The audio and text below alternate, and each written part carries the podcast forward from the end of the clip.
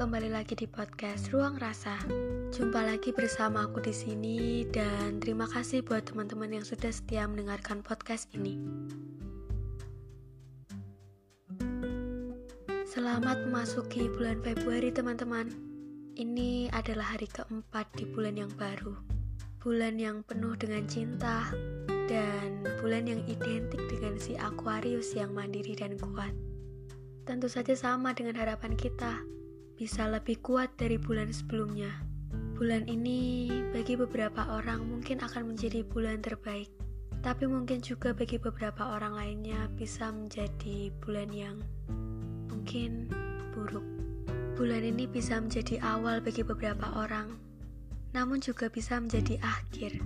Buat beberapa pendengar podcast Ruang Rasa yang sudah menduduki dunia perkuliahan, mungkin juga ada yang baru merasakan libur tapi ada juga yang sudah mulai masuk dan produktif belajar lagi. Aku berharap semoga bulan Februari ini menjadi bulan yang baik bagi kita. Yang patah biarlah sembuh, dan yang jatuh bisa bangkit kembali. Semoga di mana pun kita berada bisa jadi orang yang baik sama orang lain dan baik sama diri kita sendiri. Kuat-kuat ya menghadapi bulan ini. See you next time.